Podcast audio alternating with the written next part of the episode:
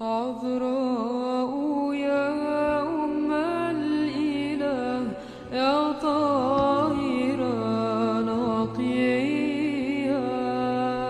La det forgjengelige lys fra din åpenbaring skinne i våre hjerter, o menneskekjære Herre. Måtte du opplyse våre sinn når vi leser om dine hellige tjenere. Lær oss ved deres eksempel å leve i lyset, slik at også vi kan leve for deg, vår Herre og velgjøre, for du er god og elsker menneskene.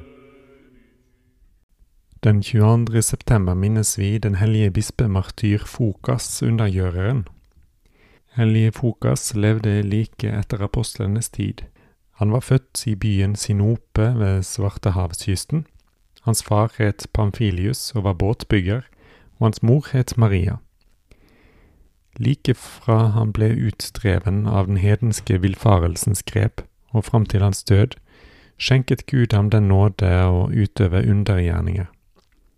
Etter hvert som tiden gikk, ble han biskop av Sinope, og ved sine gudinspirerte ord og sine mange under førte han flere hedninger til den sanne troen. Gud åpenbarte deretter for ham at tiden var kommet for at han skulle utsettes for martyriet. Det skjedde på denne måten.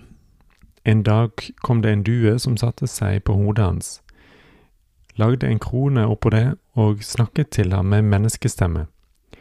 Den sa, Et beger er beredt for deg, og du bør drikke det. Så møtte han foran stattholderen Afrikanus og bekjente med dristighet Kristus som sann Gud og sant menneske. Da Afrikanus hadde bespottet Kristi navn og latt Den hellige torturere, kom det et voldsomt jordskjelv som slo stattholderen og hans soldater i døden.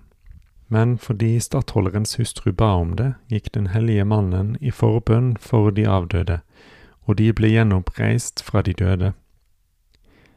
Deretter ble han ført foran keiser Trajan, som regjerte ca. århundre, og han lot ham flå og deretter kaste opp i et overopphetet bad, hvor Den hellige oppgav sin ånd til Gud.